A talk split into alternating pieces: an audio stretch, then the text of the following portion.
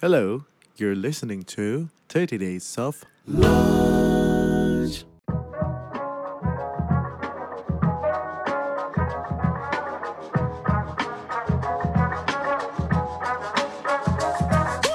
how you think, how you feel, how you sensate, how you imagine about money. Semuanya didasari dari perkembangan jiwa dari 0 tahun sampai 4 tahun. Kita menggantungkan security dan safety kita dengan uang. Very scary. Begitu uang nggak ada, langsung panik dan langsung depresi. Atau nangis sama coach di terapi.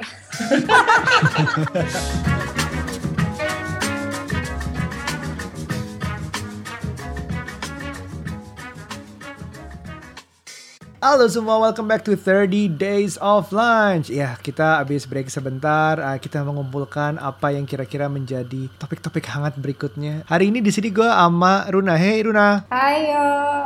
kita ngomongin uang hari ini bersama seorang coach ya. Ya, sebetulnya psikoterapis, tapi kita manggilnya Oke. coach.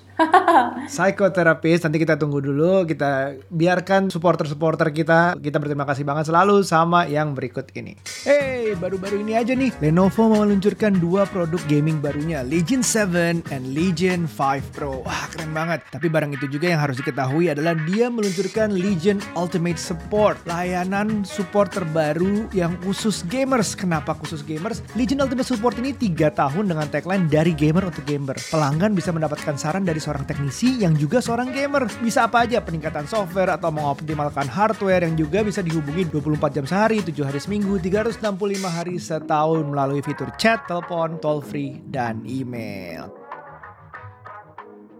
Oke, psikoterapis dengan nama Yusa Aziz. Nah, Runa cerita sedikit pengalaman lo sama dia, kenapa penting banget ngobrolin topik kita hari ini sama dia.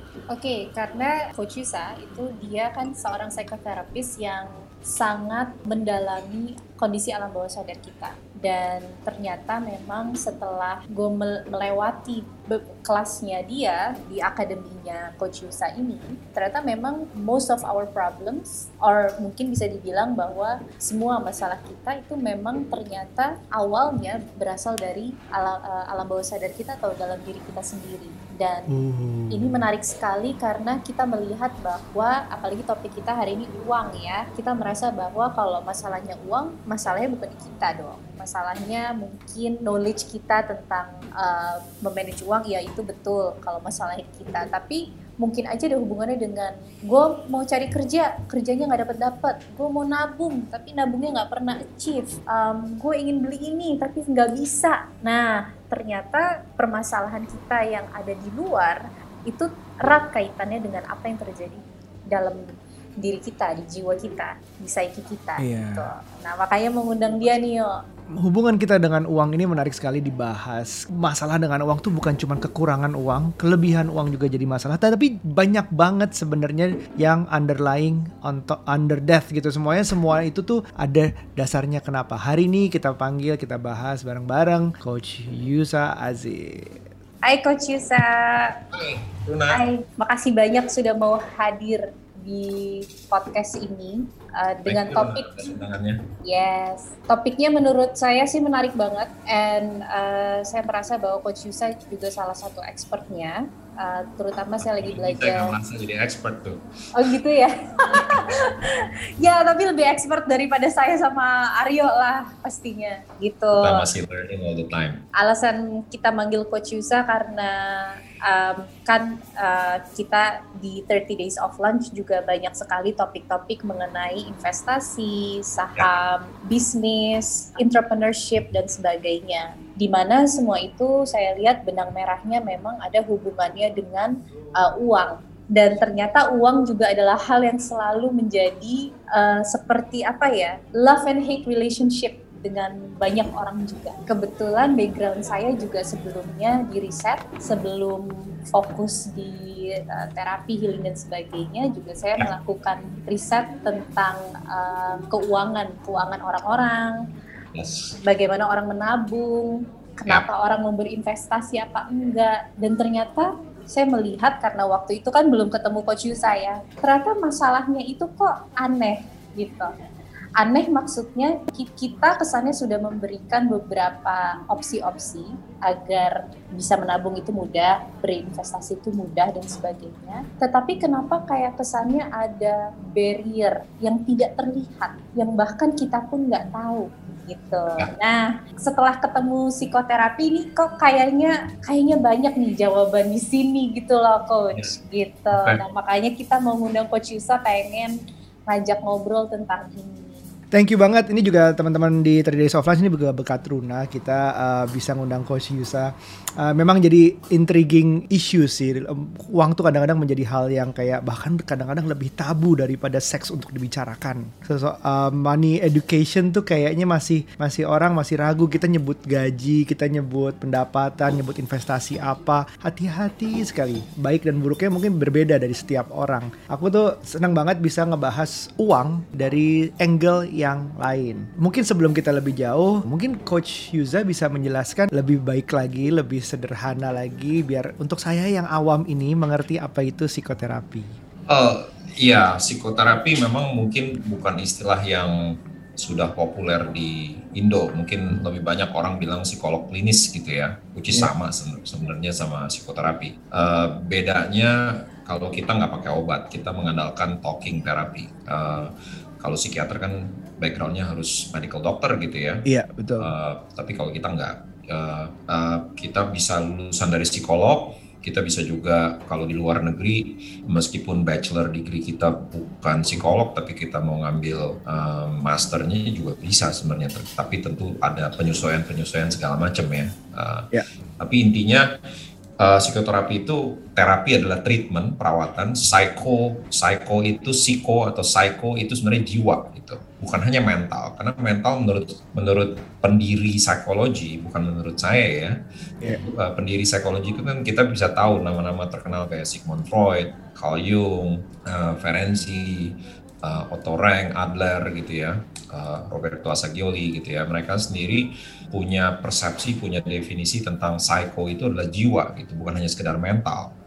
So kalau cuma kita bicara mental atau mind itu kita bicara sepertiga saja dari jiwa gitu. Uh, bagaimana dengan emotion, bagaimana dengan sensations, body sensations atau soma itu kan juga bagian dari psycho sebenarnya. Jadi psikoterapi lebih uh, berbicara bagaimana kita melakukan perawatan uh, psycho jiwa gitu, ketimbang uh, simptomnya atau illnessnya sudah makin parah ya kita tentu perlu melakukan perawatan. Mungkin banyak yang banyak yang definisinya uh, stigmanya negatif gitu ya. Ngapain lu ke psikoterapi gitu kan? Emang lu gila gitu kan? Justru sebelum gila kita mesti datang ke psikoterapi gitu. Kalau udah gila ya rumah sakit di rumah sakit jiwa tempatnya gitu. Setuju, setuju. Jadi psikolog ya yang yang memberikan psikoterapis sama psikolog itu sama sebenarnya. Well di luar negeri sih um, definisi psikoterapi itu bisa bukan hanya psikolog klinis gitu dan bahkan di di luar negeri itu psikolog klinis dari S1 sudah psikolog klinis gitu. Uh, saya nggak tahu di Indonesia sistemnya gimana, kemungkinan besar S2 baru klinis gitu. Tapi kalau di kita itu uh, di luar negeri itu sudah dari penjurusan S1 itu sudah sudah bisa uh, dijuruskan untuk klinis gitu. Uh, lebih spesifik, lebih spesialis ya kalau di luar negeri. Uh, tapi kalau misalnya ada psikoterapi di luar negeri juga it's a non-regulated industry, tidak seperti okay. psikolog, tidak seperti uh, psychiatrist yang diregulasi gitu ya. Counseling juga gitu is non-regulated industry. Jadi bagi siapa pun yang memiliki training formal dan itu dinyatakan layak dan lulus dan cukup, sudah bisa praktek psikoterapi dan counseling dan coaching gitu. I see lebih oke okay, lebih lebih ada gambaran sekarang. Tapi hari ini kita mau ada, angkat apa hubungannya antara psikoterapi tadi dengan uh, relationship kita dengan uang. Yes. Nah uh, ini menarik kalau misalnya saya boleh cerita sedikit coach. Banyak uh, orang-orang uh, yang saya temui bahkan keluarga dekat atau mungkin salah satunya juga saya sendiri. Itu kita merasa bahwa kita sudah uh, bekerja dengan maksimal, kita merasa kita sudah merasa melakukan our best. Tetapi kenapa kok sepertinya uang itu susah didapat. Jadi banyak juga dari kita yang merasa bahwa kok kayaknya saya udah berusaha banget, saya sudah melakukan apa yang disarankan, tapi kenapa masih susah ya? Gitu. Hmm. Dan itu saya menemukan nggak hanya pengalaman saya pribadi, tetapi juga nggak hanya di sekitar saya, tapi juga di uh, orang-orang uh, yang saya riset waktu itu, bahwa mereka berusaha untuk uh, stay stable, stay safe, and stay secure, dan berusaha untuk melakukan hal-hal yang disarankan. Tetapi mengapa mereka masih belum merasa aman dan nyaman dengan kondisi finansial mereka? Ya. Tapi di satu sisi yang lain, coach, saya ngelihat ada orang yang sangat nyaman berada di kondisi yang tidak aman, gitu. Jadi maksudnya setiap dia punya uang, uh, uang itu dia uh, bisa dia spend bisa dia eh, apa namanya gunakan untuk sesuatu yang menurut dia berguna atau misalnya justru sebetulnya untuk koleksi dan sebagainya gitu. Nah, yang belum saya temukan saat itu yang mungkin bisa coach jelaskan sekarang itu ada apa sih di kondisi psikinya kita sehingga kenapa kesannya hubungan kita dengan uang itu kok kayaknya kita butuh, kayaknya cinta, eh kita nggak boleh cinta dia mau uang gitu kan katanya. Tapi jadi kita jadi benci, ah uang itu membuat hidup kita susah, jadi nggak bisa ini, nggak bisa itu. Tapi kita butuh gitu coach. Gimana yeah. tuh coach? It's very interesting topik ini. Kebetulan um, di tahun lalu sama di tahun ini uh, saya juga sering uh, mengadakan uh, grup sesi terapi money terapi namanya ya. Bagaimana kita bisa memperbaiki relationship kita dengan uang gitu. Uh, dan fenomena yang Runa katakan ini adalah satu, salah satu fenomena simptom hmm. ya simptom yang memang sering kita temui di di dalam ya saya dulu pernah punya hal yang serupa juga. Uh, tapi jangan dilupakan juga fenomena simptom atau gejala yang di mana kalau Runa tadi bilang susah mendapatkannya, tapi banyak juga fenomena simptom um, orang mudah dapetin duit tapi abis itu habis begitu saja. Jadi fenomena hmm. manajemennya. Hmm. Jadi kita juga mesti um, punya ruang lingkup uh, kalau kita berbicara soal uang kita bukan hanya soal berbicara soal simptom bagaimana mendapatkannya atau mudah mendapatkannya tapi juga berbicara uh, fenomena bagaimana memanagenya dan mengelolanya setelah mendapatkannya ini menurut saya dua hal yang saling berkaitan dan nggak bisa dipisahin gitu sama Aryo.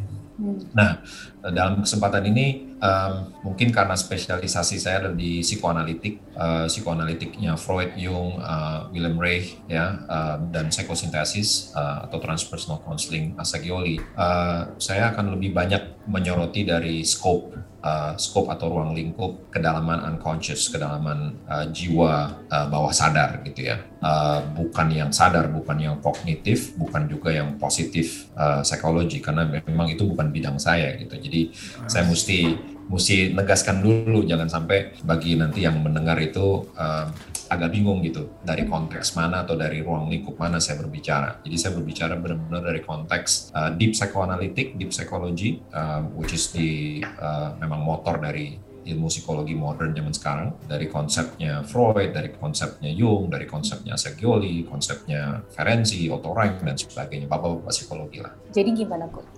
Jadi uh, ini fenomena yang menarik banget. Uh, kita kita mungkin semua pada aware atau pada ngerti gitu tentang piramidnya Maslow. Uh, kalau yang nggak aware? Oke, okay, kalau nggak aware, oke okay, saya share deh ya. Uh, piramid Maslow itu uh, uh, piramid fondasi pertama itu adalah kebutuhan fisik. Kebutuhan fisik itu mulai dari uh, makan, minum, buang air besar, buang air kecil, seks, reproduksi, um, termasuk rumah tinggal gitu ya, tempat tinggal gitu. Itu kebutuhan yang sangat-sangat um, fisio fisiologis banget ya. Which is kalau kita berbicara itu berarti kita berbicara tentang insting natural manusia ya, karena Eh, kebutuhan-kebutuhan fisik itu memang insting natural, alamiah. Um, siapa pun kita, mau jabatan kita apa pun, social status kita gimana pun, kalau kita udah kedesak mau pipis ya kita harus ke toilet. Betul nggak? Betul. so, seberapa supermannya, seberapa spiritualnya kita, seberapa hebatnya kita, atau kita udah jadi orang terkaya di dunia, mau jadi kayak Elon Musk pun, tetap kalau dia punya kebutuhan mau pipis ya dia harus pipis. Dan piramida kedua barulah kita bicara tentang uh, security and safety. Hmm. So security and safety, uh, kebutuhan security safety itu mulai dari pekerjaan, pendapatan, tabungan, asuransi, deposito, emas, dalam bentuk apa pun, uh, bahkan properti. Itu sebenarnya masih masuk dalam kategori piramida kedua. Nah, piramida ketiga adalah love and belonging, which is uh, perasaan dicintai, perasaan uh, menjadi part of the community, uh, part of the society, uh, part of diterima, di accept oleh environment dan sebagainya dan sebagainya. Nah, kalau tiga piramida ini cukup dan dasarnya kuat secara psikologis, maka manusia baru bisa punya self esteem. Inilah piramida keempat. Esteem needs, oke. Okay. Self esteem needs which is self actualizations. Oh, dia pengen uh, jadi ini, jadi itu, pengen uh, macam-macam lah ya, uh, yeah, yeah. tergantung apa pun yang mau dikontribusiin. Setelah self actualization itu terpenuhi, maka barulah piramida paling uh, terakhir adalah spiritual needs. Nah yeah. ini, nah kebanyakan menurut saya uh, tentang uang ini kan sudah sangat ini ya. Zaman dulu waktu kita nggak ada uang, nggak ada mata uang, sorry, bukan nggak ada uang. Um, bagaimana kita bertransaksi? Semua dengan barter, ya kan? Semua dengan barter. So jadi barter itu tidak mempengaruhi kondisi nyaman dan aman, security dan safety needs, tidak. Karena barter okay. itu benar-benar based on physiological needs. Aryo punya beras, saya punya gula. Aryo punya beras nggak? Punya, saya punya gula nih. Butuh nggak? Yuk kita tukaran yuk. Barter. That's right. Okay. Tapi dengan adanya mata uang fiat, that needs bergeser dia, bukan fisiologis lagi, tapi bergeser ke arah security and safety needs di mana manusia mulai um, secara psyche, secara kejiwaan, secara mental, dalam bayangan dia, dalam image mental image-nya dia, emosi dia akan terpengaruh ketika nggak punya uang, ketika susah mendapatkan uang. Because everything di dunia modern ini butuh transaksi dengan uang, right? So jadi dengan bergesernya civilizations dari barter, apalagi jangan kita nggak usah ngomong purba atau primitif gitu ya, di mana yeah, yeah. kalau primitif tinggal tanam ngambil. atau tinggal ngambil atau tinggal lihat ada burung di ketapel atau ngelihat ya, uh, berburu. berburu banteng di tombak ya udah dapet gitu kan.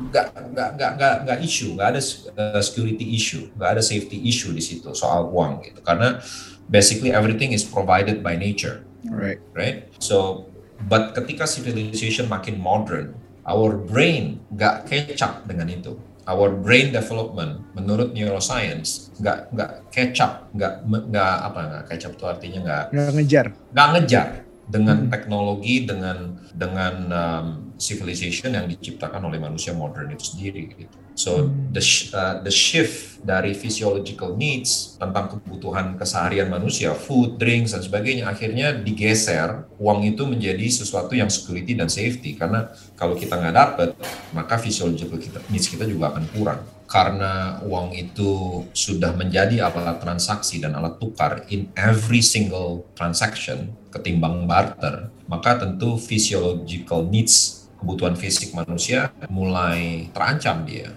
Betul. Uh, ketika nggak ada uang, this is why kenapa uang dipandang sebagai piramida pertama dan kedua sekaligus safety dan security untuk memenuhi Betul. kebutuhan fisik. Betul. Nah, bear in mind bahwa terciptanya uang shekel itu di zaman um, I'm not sure di mana di Babylon kuno atau gimana saya maybe I'm wrong tapi saya pokoknya saya ingat shekel aja. Um, itu akhirnya manusia jadi bergeser kan dan itu udah uh, maybe 4000 3000 tahun yang lalu gitu ya kan? Dan akhirnya manusia bergeser dan akhirnya menurun tuh secara genetik gitu. The perception the belief system tentang uang bergeser dia. Um, instead of barter instead of bercocok tanam dan sebagainya akhirnya bergeser dan akhirnya menjadikan uang itu kebutuhan fisik dan kebutuhan security dan safety. Di mana ketika terjadi kekurangan itu akan memicu yang namanya salah satu komponen dari brain yang bernama amigdala. Amigdala which is akhirnya fight atau flight.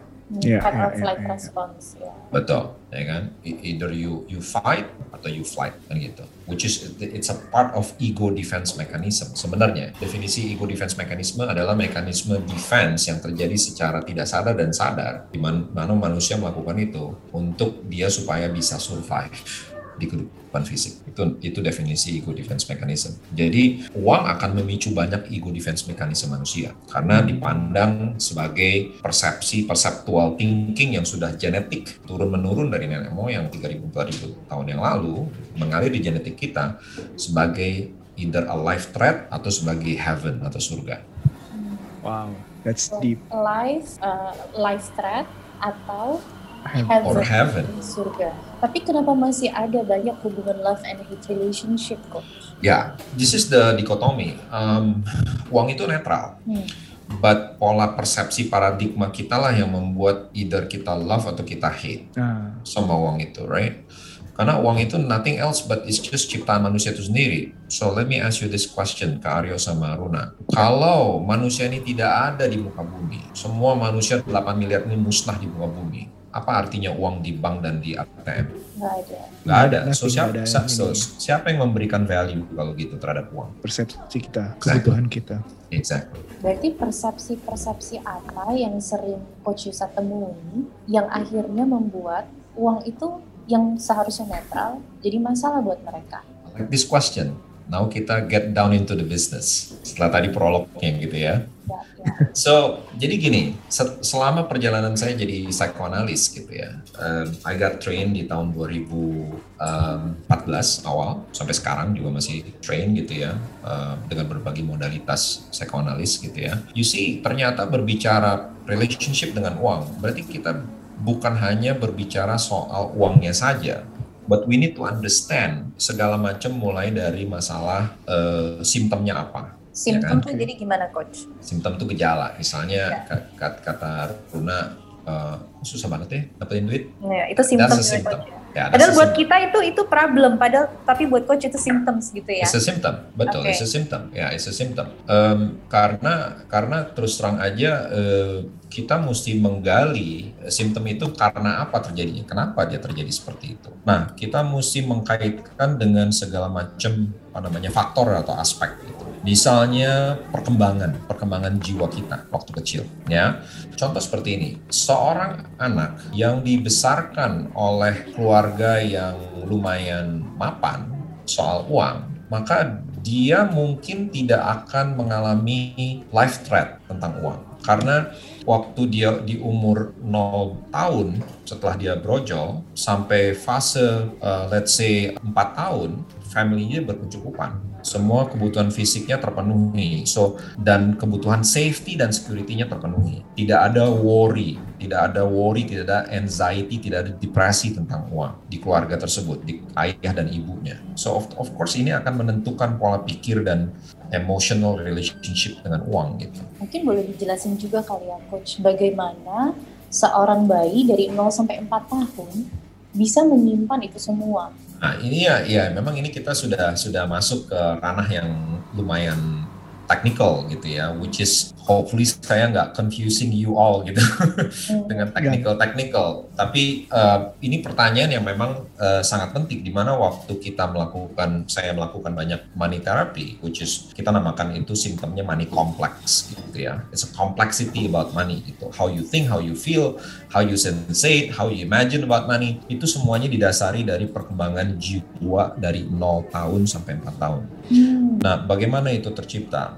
Oke, saya hanya give satu eh, apa contoh simple sederhana aja gitu ya. Let's say um, ada seorang ibu yang kebutuhan makan dan minumnya itu belum tentu secure karena suaminya mungkin pendapatan harian mungkin. Oke. So tanpa disadari si ibu merasa cemas dong setiap saat. Besok bisa makan gak ya? Suami gue gimana nih? Aduh mudah-mudahan suami gue bekerja di luar sana, mudah-mudahan dia baik-baik aja, dia sehat-sehat aja. Meskipun dia busy, mungkin dia cooking, dia shopping ke pasar, belanja sayur dan sebagainya. Tapi deep down dia ada rasa kecemasan itu. What happened ketika dia mengandung bayi dengan rasa cemas? Well, kita tahu neuroscience bidang psikologi mana pun, mazhab mana pun akan agree dengan teori ini bahwa fase simbiotik antara ibu dan anak itu dari kandungan, dari janin sampai umur 6 bulan. Whatever the mother feels, the baby also feels. Nah kalau dia sudah cemas soal security dan safety karena mikirin pendapatan suaminya yang harian,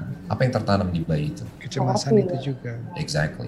This is why kenapa di money therapy session, every time saya mengadakan money therapy, saya nggak hanya mau menggali usia remaja. Apa sih experience Anda dengan uang? Trauma apa yang Anda hadapi dengan uang gitu di usia remaja? No, but it, it goes all the way back sampai kandungan, sampai saat lahir.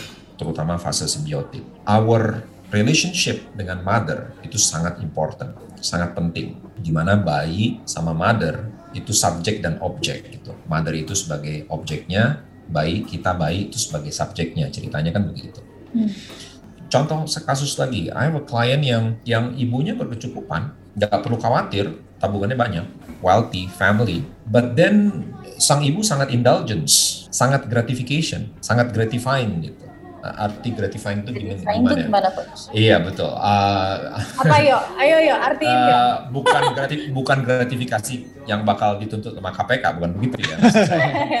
misalnya nih, semacam gini, rewarding misalnya, system ya. Iya rewarding system. Misalnya begini ya, uh, I have a client yang umur 2 tahun gitu, ibunya uh, 2 tahun gitu, terus anaknya nangis atau apa terus ibunya karena dia sibuk gitu kan dan sebagainya gitu dia hanya hanya kasih ke neni misalnya hmm. atau misalnya uh, umur 4 tahun TK gitu ya atau umur lima tahun udah TK terus mau masuk SD gitu si anaknya um, ngeluh dikit gitu terus ibunya bilang oke okay, sini deh sama mami deh yuk kita nonton TV sambil makan popcorn that's gratifying Hmm. Yeah, yeah, yeah. So you endorse suatu behavior yang sebenarnya nggak nggak nggak cocok buat si anak gitu, um, karena dia nanti fighting sistemnya nggak akan bekerja gitu but you endorse it. So apa yang terjadi waktu dia nanti dewasa? Dia akan nggak akan ada warrior yeah. warrior uh, jiwa warriornya untuk fighting untuk mencari duit gitu loh. Atau perhitungan mungkin bisa. What's in it for me setiap kali. Oh perhitungan, yes. Uh -uh. Atau perhitungan, betul. Jadi it can be the other way gitu. Yeah, it can yeah, be yeah. either both ya. Misalnya I have a client yang yang yang tiga bulan anaknya sudah tinggalin. Maksudnya tinggalin bukan tinggalin apa, tapi ditinggalin kerja gitu ya. Yeah, yeah, yeah you know in in psychoanalytic ditinggalin kerja di usia tiga bulan itu kan masuk fase simbiotik mm-hmm. which is ini bukan dari saya saya kan cuma belajar gitu dan mm. penemu-penemunya kan udah banyak gitu. Margaret Mahler yang menyelidiki uh, uh, apa fenomena skizofrenik menyatakan no sampai enam bulan that's usia simbiotik di mana sang ibu meninggalkan bayinya hanya sekejap saja that's udah dinamakan abandonment di ini gue sampai freeze loh. Freeze tuh maksudnya gini I cannot imagine coach I know you haven't finished your point tapi sebelum lupa kita maternity leave di perusahaan itu tiga bulan. Well unfortunately my brother in Sweden maternity leave-nya aja istrinya dia kasih ya? dua tahun. Dan dia dia sebagai cowok suami sama satu tahun dan tetap digaji. Yeah I know. I saya nggak kebayang berapa juta orang anak-anak yang mengalami dan merasa abandoned? Well, banyak to be honest dan dan ketika sang anak tahu di dalam deep down di dalam unconsciousnya atau di dalam bawah sadarnya bahwa ibunya meninggalkan dia, consciousnya nggak nggak nggak tahu, tapi unconsciousnya tahu dia ditinggalkan karena ada deprivation di situ. Uh, deprivation itu bahasa Indonesia-nya apa ya? Kekurangan. Deprivation, ya deprivation ada hunger di situ. Hunger bukan mungkin bukan foodnya, tapi mungkin love, pelukan dan hmm. sebagainya. Rasa security dan safety itu nggak nggak aman. So what happen ketika dia udah gede, dia akan menerjemahkan itu, unconsciousnya akan mengandung file atau memori, menerjemahkan bahwa the working mom is not safe. So then what happen? Dia akan mempunyai prejudis gitu terhadap working mom. Dia akan mempunyai prejudis terhadap akhirnya uang gitu. Mungkin dia merasa bahwa hidup itu tidak aman sehingga dia harus bekerja terus. Can be like that too. That's right, betul. Hmm. That's another deviasinya gitu. Tapi saya jadi ingat coach karena coach bilang gini, saya ingat waktu itu saya pernah kerja di sebuah tempat dan itu lembur terus. Sampai kalau kita mau uh, ada acara weekend tuh kita tanya dulu, eh kita nggak lembur kan weekend gitu. Terus uh, saya pernah datang ke sebuah workshop tentang uang. Dan dari situ saat digali-gali-gali ternyata saya ingat bahwa dulu waktu saya kecil tapi ini bahkan di atas empat tahun sih coach. Saya sering kebangun tengah malam dan saya lihat orang tua saya itu masih kerja which is itu jam 2 pagi jam satu pagi gitu. Kadang-kadang saya kebangun jam 3 pagi kadang-kadang saya melihat ayah ibu saya masih kerja gitu karena yes. mereka kan based uh, on business project gitu Betul. Jadi di, di di workshop itu akhirnya saya memahami oh ternyata tanpa saya sadari di bawah sadar saya itu uh, saya merasa bahwa kerja sama dengan lembur, kerja sama dengan kerja keras. Baru setelah itu dapat uang gitu. Ya, yeah. on the other hand juga either either Runa bisa uh, hate your father and mom secara nggak sengaja because they work uh, lembur dan you were neglected apalagi di usia masih empat tahun Ya, kalau kita uh, bicara soal karakter atau personality disorder, bedakan personality disorder dengan mentality mental disorder gitu ya. Um, di mana kita kalau bicara mental atau bicara personality disorder itu namanya valid character. So there was a kayak ada resentment gitu uh, your unconscious di hardwired dicetak dengan ada resentment terhadap father and mother yang dipersepsikan abandon you karena your needs tentang perhatian dan security dan safety nggak terpenuhi. So what happened is um, macam-macam. It could be misalnya Runa dapat duit terus Runa revenge. Revenge tuh jadi gimana coach? Bisa overspending, bisa langsung oh. buang aja tuh duit. Ah, gue udah dapet, gue udah naklukin duit, nah, rasain loh, dan habis gitu. Hmm. Ada aja tuh, ada aja yang yang bisa narik tuh untuk spending gitu. Yang nggak kita pikirin tiba-tiba perlu kita pikirin terus kita perlu spending. Or kita memang uh, simptomnya atau kita memang ah I don't like this. Gue nggak suka parents gue. You know, gue nggak dapat love gara-gara mereka kerja, gara-gara duit. Balik lawannya gitu tindakan. Balik lawannya, that's right. Karena um, ini jadi deep banget. Jadi um, money behavior kita sangat terpengaruh dengan orang tua kita ya. Yeah, we like it or not. Jadi uh, bapakku juga yang aku inget penuh adalah bangun setengah lima pagi selalu jam 6 udah ninggalin rumah menghindari macet untuk kerja segala macam. Aku uh, baru SMA akhirnya atau SMP SMA akhirnya sekalian ke, ke, sekolah. Berangkatnya jam segitu jadinya padahal sekolahnya baru jam 7.15 masuk tapi berangkat jam 6 dari rumah gitu. Dan sampai sekarang dia tuh masih kayak ayo dong kamu bisa lebih ayo uh, uh, perusahaannya di gini nih bla bla bla bla bla tapi saya tuh kayak ada resentment bahwa I don't want that gitu. Maksudnya uh, kebanyakan kebanyakan orang tuh ngelihat wah kalau bikin usaha harus jadi yang kayak perusahaan terbesar yang ada. Harus jadi uh, apalah segala macam award under under lah uh, 50 under apalah segala macam richest man the world segala macam. Drive nya tuh selalu gini kita bisa jadi yang the sky is the limit kata bapakku selalu kayak gitu. Tapi aku selalu pengen buktiin bahwa aku tuh buk, uh, I can do it another way I can still be happy tanpa menjadi yang ter, tanpa punya uang yang terbanyak, tanpa punya jadi orang yang terbaik. Tapi aku, I just, tapi aku kadang-kadang rasanya kok ambisi gue jadi kayak nggak nggak tinggi banget ya. Gue cuma di sini udah kayak happy ya, udah kayak tenang ya. Apa itu salah? Jadi kayak kadang-kadang mempertanyakan karena bapakku dulu drive-nya adalah pengennya akunya jadi yang. Ini ini fenomena yang menarik. Uh, saya belum mendalami um, uh, Aryo gitu ya dalam hal sesi hmm. gitu. Saya jadi yeah, yeah. Uh, mohon maaf kalau uh, apa yang saya katakan dan saya berusaha menjawab pertanyaan Aryo ini dan tentang your personal experience ini hanyalah hmm. sekedar hipotesa lah. Iya iya iya. Ya, so don't don't judge, uh, don't conclude bahwa ini the final one gitu ya. Tapi ini hipotesa saya aja gitu ya. So kebanyakan baby boomers that includes my father too. Mereka rata-rata grandiose exhibitionist narcissistic personality disorder. Oke. Okay. What so, apa itu simptomnya? Oke, okay. personality disorder tadi saya katakan ah, berbeda dengan mental disorder. Kalau mental disorder mungkin eh, kita udah bicara rumah sakit jiwa, kita udah bicara psikiatris, yeah. uh, kita udah bicara segala macam lah, bipolar, uh, schizophrenic, all yeah. this all these heavy ones gitu, psychotic disorder gitu ya. Tapi kalau personality disorder, penyimpangan personality itu banyak di masyarakat. 99% Freud mengatakan masyarakat dunia itu neurotics, which is true. okay, sounds scary, but okay. Ya. Including so, us ya. Including us, including, 95%. Ya, including us, including me gitu kan. So, grandiosity exhibitionist personality disorder itu mengukur segala sesuatu dengan pencapaian wealth, power, status, termasuk social status, art, beauty, dan sekelasnya. That's grandiosity narcissistic personality disorder ketika seorang anak dibesarkan oleh orang tua, nah biasanya kita breakdown lagi nih uh, simptom uh, ininya apa uh, disordernya. Ada yang grandios, ada yang um, uh, grandios atau exhibitionist. Ya, ya, you know lah yang kalau di IG yang sering pakai brand memperkenalkan gue brand ini dan itu exhibitionist banget ya grandition grandiose exhibitionist disorder uh, narcissistic disorder nah yang kedua adalah closet disorder closet which is dia shy dia malu dia nggak pamer-pamer tapi dalam di, di lingkungan yang dia kenal loh gue hebat loh, gue bisa mencapai ini, gue bisa mencapai ini. Gitu. Oh, That's closet narcissistic disorder. Ya, ya, ya, ya. Terus ada lagi yang devaluing narcissistic disorder.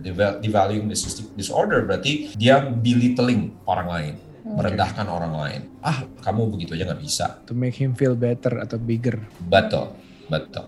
Nah, kita growing up, many, mungkin saya projecting myself, mungkin saya generalisasi, but many of us, apa namanya, saya belum baca statistiknya atau belum tahu, belum lakukan research, tapi I, I just I just uh, assume bahwa uh, many uh, parents, uh, especially new rich dan sebagainya itu grandiose exhibitionist narcissistic disorder. Paling tidak closet atau devaluing narcissistic. Jadi ucapan-ucapan seperti ah kamu begitu aja nggak bisa udah tuh anak kena udah. Hmm. kena terus efeknya gimana coach? Efeknya dia akan merasa kerdil dulu merasa inferior dulu dan merasa akhirnya not self worthy anymore gitu loh. Can you have can you imagine dia grow up terus dia disuruh nyari duit apa yang terjadi dengan inferiority seperti itu nggak confident juga berarti jadinya nggak confident betul kalaupun dia dia berhasil mendapatkan achievement uang yang menurut orang tua dia itu layak dan pantas dan karena ditargetin sama orang tua dia. Remember kita anak-anak adalah extension arms of our parents gitu. Dan dia akan nas dia akan swing back ke arah feeling emptiness meskipun dia sudah mencapai target dia. Kenapa? Dia tetap nggak akan happy, nggak akan content, nggak akan satisfied. Karena sebetulnya karena, sebetulnya apa yang kan, dibutuhkan? Well, yang dia butuhkan bukan itu. Yang dibutuhkan adalah pengakuan dan love dan acceptance from the parents, not the ukuran pencapaian. Tapi dia bisa menjadikan pencapaian target finansial itu menjadi sebuah motivasi untuk dia bisa dicintai, disayangi oleh parentsnya. Itu kan personality disorder banget kan. So dan meskipun dia sudah mencapai targetnya, crazy Asian rich whatever, tetap dia nggak akan konten karena the actual love yang dia butuhkan dari parentsnya nggak dapet. Nggak bisa digantikan oleh uang gitu loh. So they remain very sick very empty. Dan banyak yang dari wow. feeling empty itu biasanya langsung merasa bahwa oh gue kurang bersyukur nih apa gue mesti lari ke Tuhan ya gitu kan coach? Ya itu, itu yang dinamakan uh, uh, ego defense mechanism. The hmm. ego is splitting. Splitting tuh artinya di satu sisi dia harusnya harusnya merasa bahagia dia mencapai target keuangannya tapi di satu sisi dia feel empty. Ada dua polaritas yang dia feeling at the same time dan splitting adalah ego defense mechanism di mana ego tidak sanggup sustain to feel both feeling yang polaritas ini. So dia swinging. Terus dia berusaha mencari kompensasi yang lain. Maybe dia let's say buying the uh, something yang branded atau untuk menyatakan aktualisasinya dia atau pengakuannya dia atau buying memicu konsumerisme hedonistic lifestyle terus uh, maybe dia dananin mobil. Balik lagi ke flexing tadi ya? It's all it's all about compensation soal about compensation dan mereka mencari kompensasi di luar padahal lukanya di dalam bagaimana bisa sembuh. Jadi coach kalau ngomongin luka di, di dalam jadi ternyata masalah kita dengan uang yang kita kira kalau dari alam sadar ya oh mungkin kita kurang bekerja keras atau mungkin kita harus mencari multiple incomes kita memanage yang pasti itu juga dengan memanage uang kita juga harus tahu knowledge-nya. Yep. Tapi sebetulnya deep deep deep inside ada kemungkinan kita memang punya luka di dalam terutama dari 0 sampai 4 tahun di mana mungkin correct me if I'm wrong ya coach kasih sayang ibu dapat asi yang cukup pelukan love uh, apa terus abis itu sentuh sentuhan fisik bonding dan sebagainya ternyata itu adalah salah satu trigger yang bisa mempengaruhi relationship kita dengan uang di masa dewasa ini ya coach? Salah satu penyebab, beberapa salah penyebab satu. atau salah satu faktor atau beberapa faktor penyebab betul. Dan also your, your relationship dengan father juga menjadi penyebab antara 4 sampai 12 tahun. Oh, gimana tuh coach? Sampai akhirnya well, kita mempengaruhi ke uang. Tadi yang Aryo uh, mengisahkan kisah hidupnya itu kan it's very clear bahwa uh, sang father punya ekspektasi untuk Aryo achieve yang sama dengan father, which is Aryo becoming the extension of uh, narcissistic father gitu. Sorry Aryo, bukannya mencoba, mencoba menjudge, yeah, yeah. but this is the symptom gitu, bukan yeah, judge yeah, yeah. ya. Again, apa pun yang saya ngomongin di sini, disorder disorder is not real you dan is not your real father gitu. It's not your real identity dan real identity of your father, tapi lebih ke perilakunya, lebih ke simptomnya, which is itu can be healed dan can be cured gitu dengan treatment yang tepat gitu loh. So Oh ini menarik banget nih kayaknya pas banget ya. Uh, jadi dari kehamilan sampai 4 tahun tuh perannya tuh kalau nggak salah tadi dibilang lebih ke ibu. 4 sampai 12 peran bapak mulai masuk di situ dalam hubungan kita, membentuk hubungan kita dengan uang. Karena um, aku nggak merasa I can recall anything, mungkin unconsciously pasti ada tentang ibu.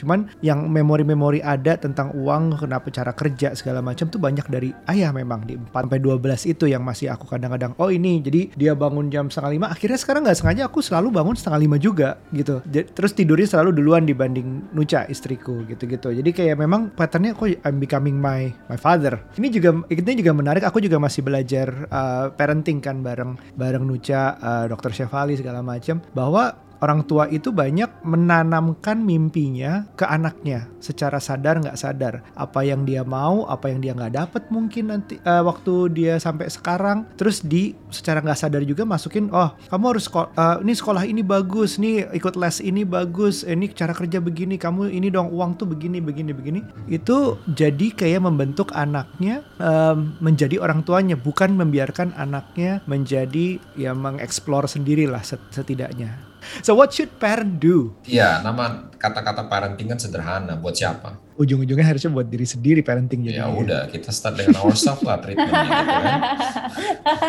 So, jadi ya kita ketimbang kita, bagaimana kita bisa memfasilitasi atau jadi facilitator buat anak-anak kita kalau kita sendiri Belum diperlakukan bisa. ya diperlakukan untuk mengikuti kemauan orang tua kita gitu ya, agak sulit gitu dan talking about kalau balik lagi ke konsep tentang uang. Let's say your father menegaskan oke harus begini dong expand dong dan sebagainya. It- it's really uh, it's really benar-benar uh, apa namanya um, symptom atau behavior of of narcissism gitu. Dan dan dan semuanya it's all measured by money uh, wealth by power by status ya kan dan dan it's typical gitu Um, dan ketika seorang anak uh, di- dibesarkan seperti Aryo seperti itu maka apa yang Aryo lakukan zaman sekarang itu kan tidak mau sama dengan father gitu kan Iya. sehingga Exactly. Aryo nggak memilih untuk membesarkan bisnis ya kayak father dan sebagainya gitu-gitu kan. Nah itu it's called ego defense mechanism, kategorinya avoidance. So you avoid being your father, you avoid that behavior. Jadi you choose different way gitu. It's a typical ego defense mechanism karena uh, the ego dipersepsikan under the threat, Under Karena- the threat. Uh, under the threat of the father. Karena kan okay. kan nggak aman, eh, merasa nggak aman kan karena kan aspirasi dan kebutuhan egonya Aryo nggak didengarkan gitu. Instead Aryo disuruh dengerin ego kemauan egonya father kan gitu. Nah resikonya apa? From the avoidance defense mechanism, you bisa splitting tuh. Bisa splitting meaning oke you achieve something, tapi you feel like ada semacam depresi meski kecil ada semacam depresi kalau gue nggak jadi kayak bokap gue gue diakui nggak ya kayak sama bokap gue ya there is abandonment depression di situ aduh I don't I don't I don't produce as much as my father did gitu will I be accepted as a son Tapi that's the question yang yang yang muncul secara unconscious gitu dan feeling loneliness akhirnya ada Let me meditate on that. Tapi semoga cerita ini nih, um, aku yakin sih nggak, aku nggak sendirian sih. Banyak banget yang mencari acceptance, love dari orang tuanya sehingga mempengaruhi hubungannya dengan uang tadi. Balik lagi ke topik kita ini. Iya, tapi eh, apa namanya menyambung Aryo tadi, memang banyak banget orang yang saya lihat di sekeliling saya in any kind of job, in any kind of level di tingkat yang mana pun bahwa kadang-kadang definisi bahwa mereka harus punya uang seberapa banyak, punya uang seberapa besar dan status dan sebagainya itu memang bu- ternyata definisi itu bukan dari dia. Nah itu kan? Definisi itu ternyata serapan dari uh, orang-orang lain terutama uh, ya family kita sendiri caretakers kita sendiri. Untung Aryo memilih jalan yang opposite, but I see so many clients yang justru menjadi schizoid personality disorder dia. Schizoid master uh, schizoid personality disorder karena orang tua yang grandios dan exhibitionist, narcissistic personality disorder, si anak menjadi slave, bekerja keras, work in the corporation days and nights, achieve something, achieve tetap aja feeling empty, tetap aja nggak happy, tetap aja dia acting out, tetap aja dia clinging, tetap aja di, meskipun dia jadi top CEO, top directors, eh, nggak Tetap kon, ada- nggak tetap ada nggak kontennya gitu. ada kekosongan yang tidak bisa diisi Dan, dan dia dimanfaatkan oleh corporation, dimanfaatkan oleh company karena they are they they make make a better CEO, they make a bit better managers, they make better employees because mereka adalah eh, mereka orang-orang yang work hard gitu, schizoid. kalau gitu gimana coach maksudnya kan mungkin nggak semua orang can access atau have opportunity untuk therapy gitu dalam tahap di awal ini untuk membangun awareness ini dan what to do nextnya tuh berarti gimana ya coach? Well, saya sih selalu rekomend uh, nomor satu yang paling bisa kita lakukan saat ini adalah menurut saya sekedar tips aja lah to write down semua your money biography history. Money biography history. Berarti Jadi- itu termasuk orang tua kita juga ya? Ya, termasuk orang tua kita juga. Well, kita separate orang tua. Jadi money biography history adalah lebih kepada perkembangan kita berpengal eh, perkembangan kita terhadap pengalaman kita dengan uang. Kapan kita pertama kali menerima uang, uangnya diapain, apa komentar yang kita terima dari ibu dan bapak kita tentang uang, Hmm. pernah nggak kita mengalami losses, pernah nggak kita mengalami accident, pernah nggak kita ada isu atau traumatic events tentang uang. Tuliskan aja dulu itu semua. Jangan disortir, jangan diaudit, jangan diedit. Be truthful dengan sejarah itu. Ini biography history. You need to rewrite that history. Ada tekniknya. Kita perlu rewrite that history gitu. Ya. Number two, kita mesti menuliskan semua sifat father and mother kita tentang money. Attitude mereka tentang money, filosofi mereka tentang money, way of thinking mereka tentang money, how mereka handle the money. Oke, I'll give you example. Ada ada seorang klien yang kedua orang tuanya totally opposite how to handle money. Fathernya sangat sorry to say pelit, Hmm. mothernya sangat grandios, Hmm. branded stuff and all that stuff. Anaknya kira-kira gimana? Bingung. Bingung. So ini penting banget untuk write down your uh, developmental uh, history atau the uh, your own money biography history dan family history. Bapak, ibu, ayah, ibu, papa, mama, write them all down. Kalau ada caretaker, misalnya pembantu atau neni atau suster atau nenek atau siapa pun caretaker atau om atau paman yang terlibat di rumah itu, maklumlah keluarga Asia kan, keluarga Indonesia kan banyak tinggal tinggalnya Bareng. banyak gitu bareng kan. Ngurusnya bareng. Ya, you need to investigate dan write them all down juga. Em, saya pernah punya pengalaman eh, karena saya baru gitu, eh, baru training gitu ya, belum eh, istilahnya eh, prakteknya belum lama dan sebagainya. Saya cari father and mother nih, kenapa nggak aman aman-aman aja nggak ada apa-apa. Saya lupa, ternyata pengaruhnya dari om. Saya lupa ngegali eh, omnya gitu. Hmm. Waktu dulu So ya. it's ya, so it's very very um, dalam dalam psychoanalysis ini dikenal dengan object relations history. Object relation history artinya relationship kita dengan orang-orang yang di sekeliling kita, bagaimana mereka mempengaruhi kita. Most of the time ideologi yang mereka tanamkan ke kita itu masuk ke dalam alam, alam bawah sadar atau unconscious kita dan kita sama sekali nggak conscious of it. Dan itu men-trigger kita dan jadi auto auto behavior. Auto behavior nggak? Iya, iya uh, kayak autopilot gitu kan. Kayak autopilot, that's right. Jadi mungkin Jadi- itu kayak belief-belief kayak money is evil. uh, Iya, iya, iya. Apa uang tuh nggak dari pohon, kamu tuh harus kerja keras, Ya, jangan terlalu cinta sama uang, kayak Atau di opposite ya serunnya. atau di opposite, gitu. ya Maksud, betul. yes. Atau di opposite. Do anything for money. Yang penting ada uangnya. Udah terima dulu kerjaan. Yang penting ada uangnya gitu-gitu Iya. ya. Kayak Terima gitu. dulu, nanti caranya gimana lo pikirin nanti. Lu pikirin ya, ya, itu ala-ala kita lagi Ya. pitching tuh. Oke, bisa nggak? Bisa aja bilang. bisa aja bilang dulu kerja Jadi- belakangan. Jadi kalau pengalaman saya pribadi, maybe I can reveal myself a little bit gitu pengalaman history saya. Jadi ketika saya butuh butuh uang gitu untuk kebutuhan sekolah atau kebutuhan les dan sebagainya, so saya minta sama my mom kan. Nah, tapi ada kalanya di my mom bilang "Eh, udah minta sama papa gitu kan. Nah, terus saya deketin papa, papa tapi ternyata orangnya not really approachable gitu kan. Dia bilang, who do you think I am, a Rockefeller? Saya minta duit gitu, pap minta duit gini-gini. Who do you think I am? Rockefeller? Digituin aja itu udah cukup ngebanting Kena anak ya. loh. Kena. Self worth-nya kena. Hmm. Hmm.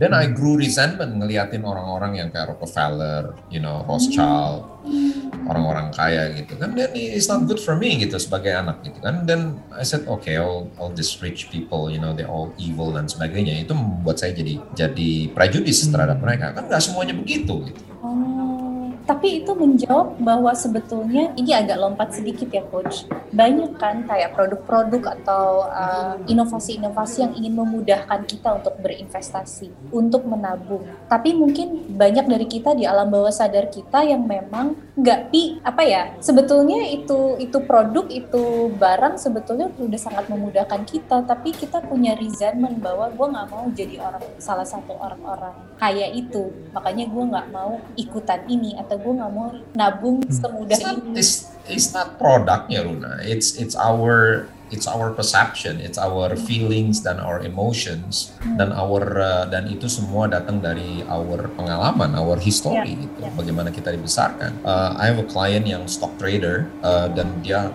dia sangat uh, despair, sangat putus asa dengan sangat lonely ketika dia mengalami big loss gitu. Dia udah nggak hampir nggak bisa masuk lagi ke trading floor gitu karena dia mengalami trauma yang luar biasa gitu.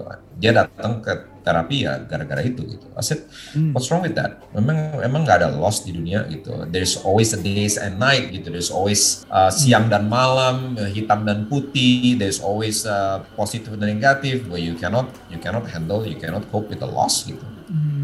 Ternyata coach kenapa dia sih? Iya, karena memang di di awal-awal hidupnya dia cukup di abandon. Um, bapak dan ibunya very wealthy, very career minded dan um, ditegaskan bahwa in order to be jadi anak papa dan anak mama, you have to achieve what we have achieved. Wow. So dengan begitu kan dia akhirnya uh, begitu tidak achieve dia mengalami merasa kayak diasingkan. There is a fear of abandonment di situ. Hmm, Ya, There's depression di situ muncul langsung kicks in. Dan itu Jadi bawah kadang- sadar semua, nggak bisa disadari. Unless you you do the inner work, you do the treatment, then baru you bisa sadari dan bisa handle that. hmm, hmm.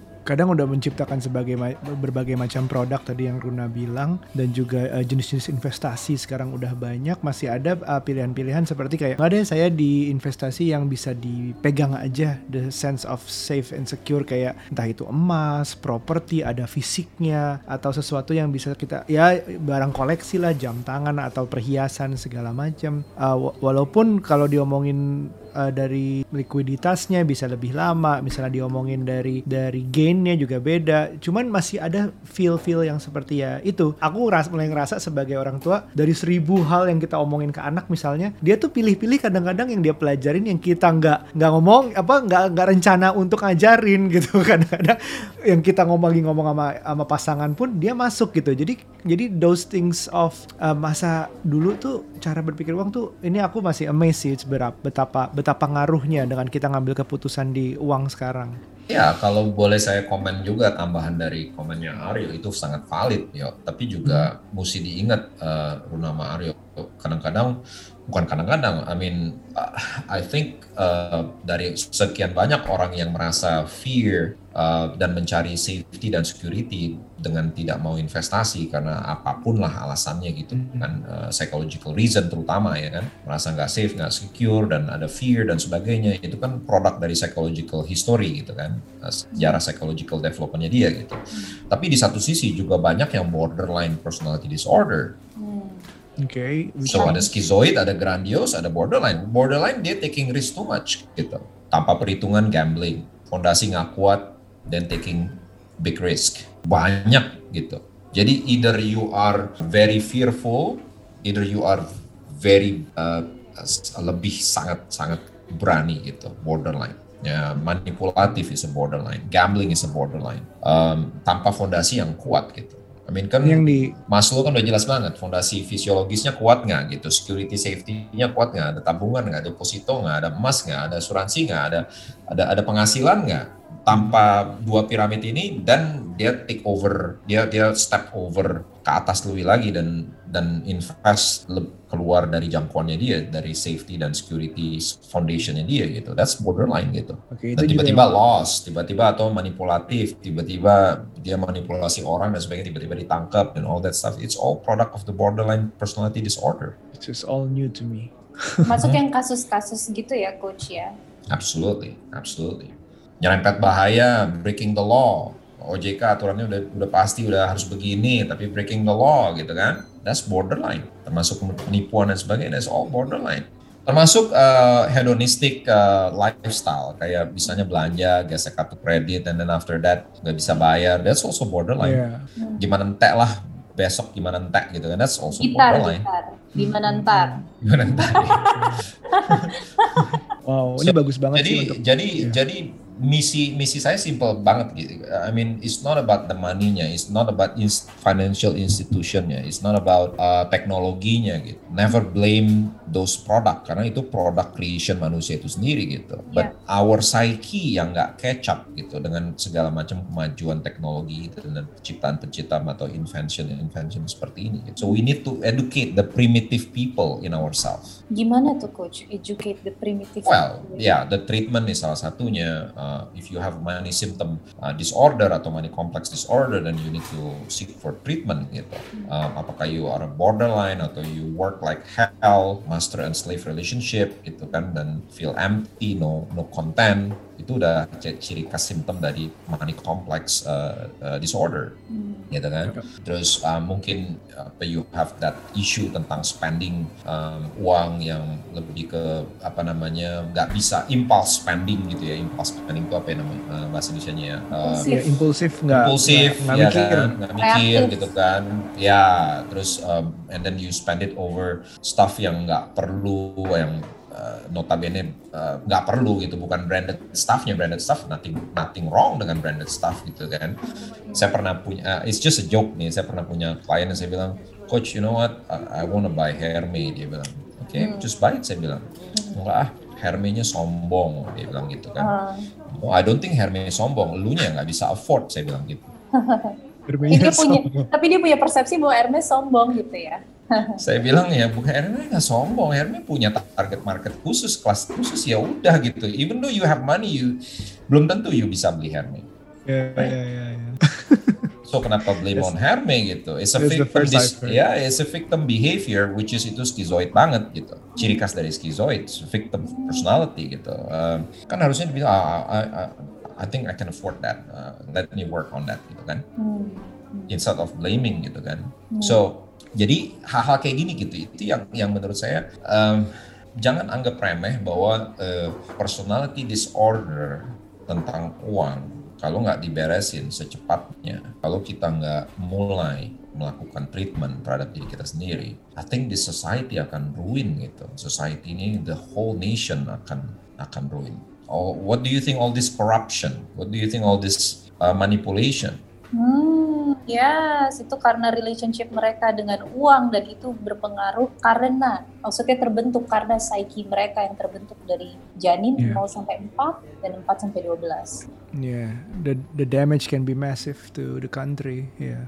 Betul. Iya, iya. So kita nggak usah muluk-muluk deh. Kita start dengan every single one of us saja. One soul at a time. Satu jiwa Hmm, iya. Di satu Jadi- waktu. Jadi mungkin kalau uh, ke- apa namanya ditangkap korupsi nggak hanya di penjara ya, tapi mungkin di treatment juga ya coach ya, Hmm. one on one ya, karena pasti ada something with the psyche sampai akhirnya melakukan itu ya. Benar. Benar.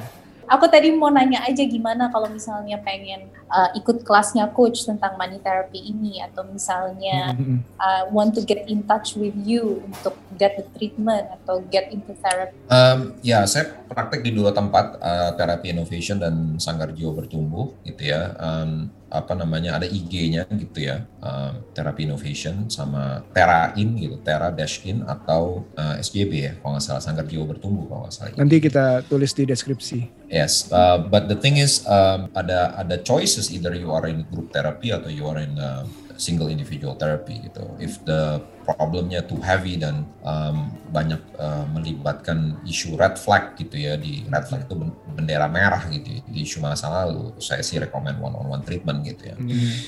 But ini something yang menurut saya kita perlu gerakin bareng-bareng. I mean, it doesn't have to be me gitu ya. kan. Um, masih banyak hal yang lain yang yang I think channel yang lain yang bisa bisa melakukan edukasi dan treatment seperti ini gitu. Dan dan menurut saya sih eh, basis fundamental yang membuat eh, sebuah eh, apa namanya kita semua bisa menyadari bahwa eh, jangan uang yang jadi master terhadap kita, tapi kita yang jadi master terhadap uang. I think kita perlu segera uh, ini ya mulai bertahap melakukan hal-hal seperti ini, treatment seperti ini. Because it's very fundamental ketika kita menggantungkan security dan safety kita dengan uang, itu very scary loh. Begitu uang nggak ada di bank account, kita langsung panik dan langsung depresi atau langsung anxiety gitu. Atau nangis sama coach di terapi. Ini apa nih? Ada ada cerita apa? nih? Uh, So, ya but ourselves lah yang security dan safety-nya sebenarnya. Tapi kan ya nggak gampang ya, nggak mudah untuk mengucapkan itu gampang, tapi melalui proses untuk mendapatkan rasa aman, rasa secure, rasa safety itu dengan diri kita sendiri itu nggak nggak mudah itu, proses gitu loh. Thank you banget info informasinya untuk menghubungi coach. Aku juga sekarang lagi mau cerita aja nih lagi lagi baca atas rekomendasi Runa Happy Money Ken Honda. Aku suka di awalnya dengan dia bilang um, Happy Money itu yang kayak kalau di saat kita menerima atau menggunakannya mengeluarkannya itu masih terasa content terasa happy. Membedakan dengan yang unhappy money di mana ya kalau terima uang tuh kok rasanya masih kurang terus, rasanya kok uang ini apa ya kok uh, pokoknya ada unease-nya, ada anxiety-nya terima uang dan ngeluarinnya. Ngeluarinnya tuh nggak rela lah atau apa pun itu yang negative feelings gitu. Itu itu bikin aku mikir setiap kali dapet eh, dan keluar uang saat ini. Itu atau coach mungkin bisa uh, rekomendasi juga buku yang kita- bisa kita baca. Kadang-kadang di 30 Days of Life ini suka banget baca buku dapat rekomendasi dari narasumber kita.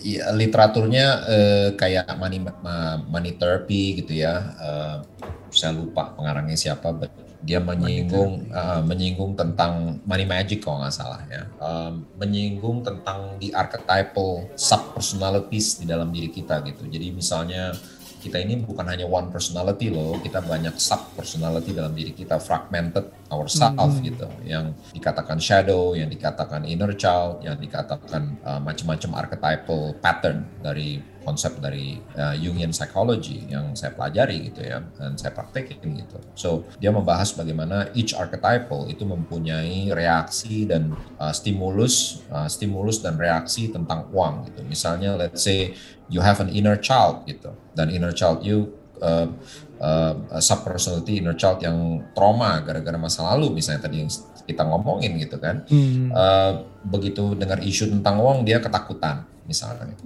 ya apakah itu disuruh nyari uang atau disuruh nyimpan uang dia ketakutan gitu. Uh, tipikalnya innocent gitu nggak mau tahu ya. jumlah uang berapa dan di bank account berapa ngitung-ngitung juga nggak mau tahu gitu. That's typical symptom dari inner child archetype tentang uang gitu.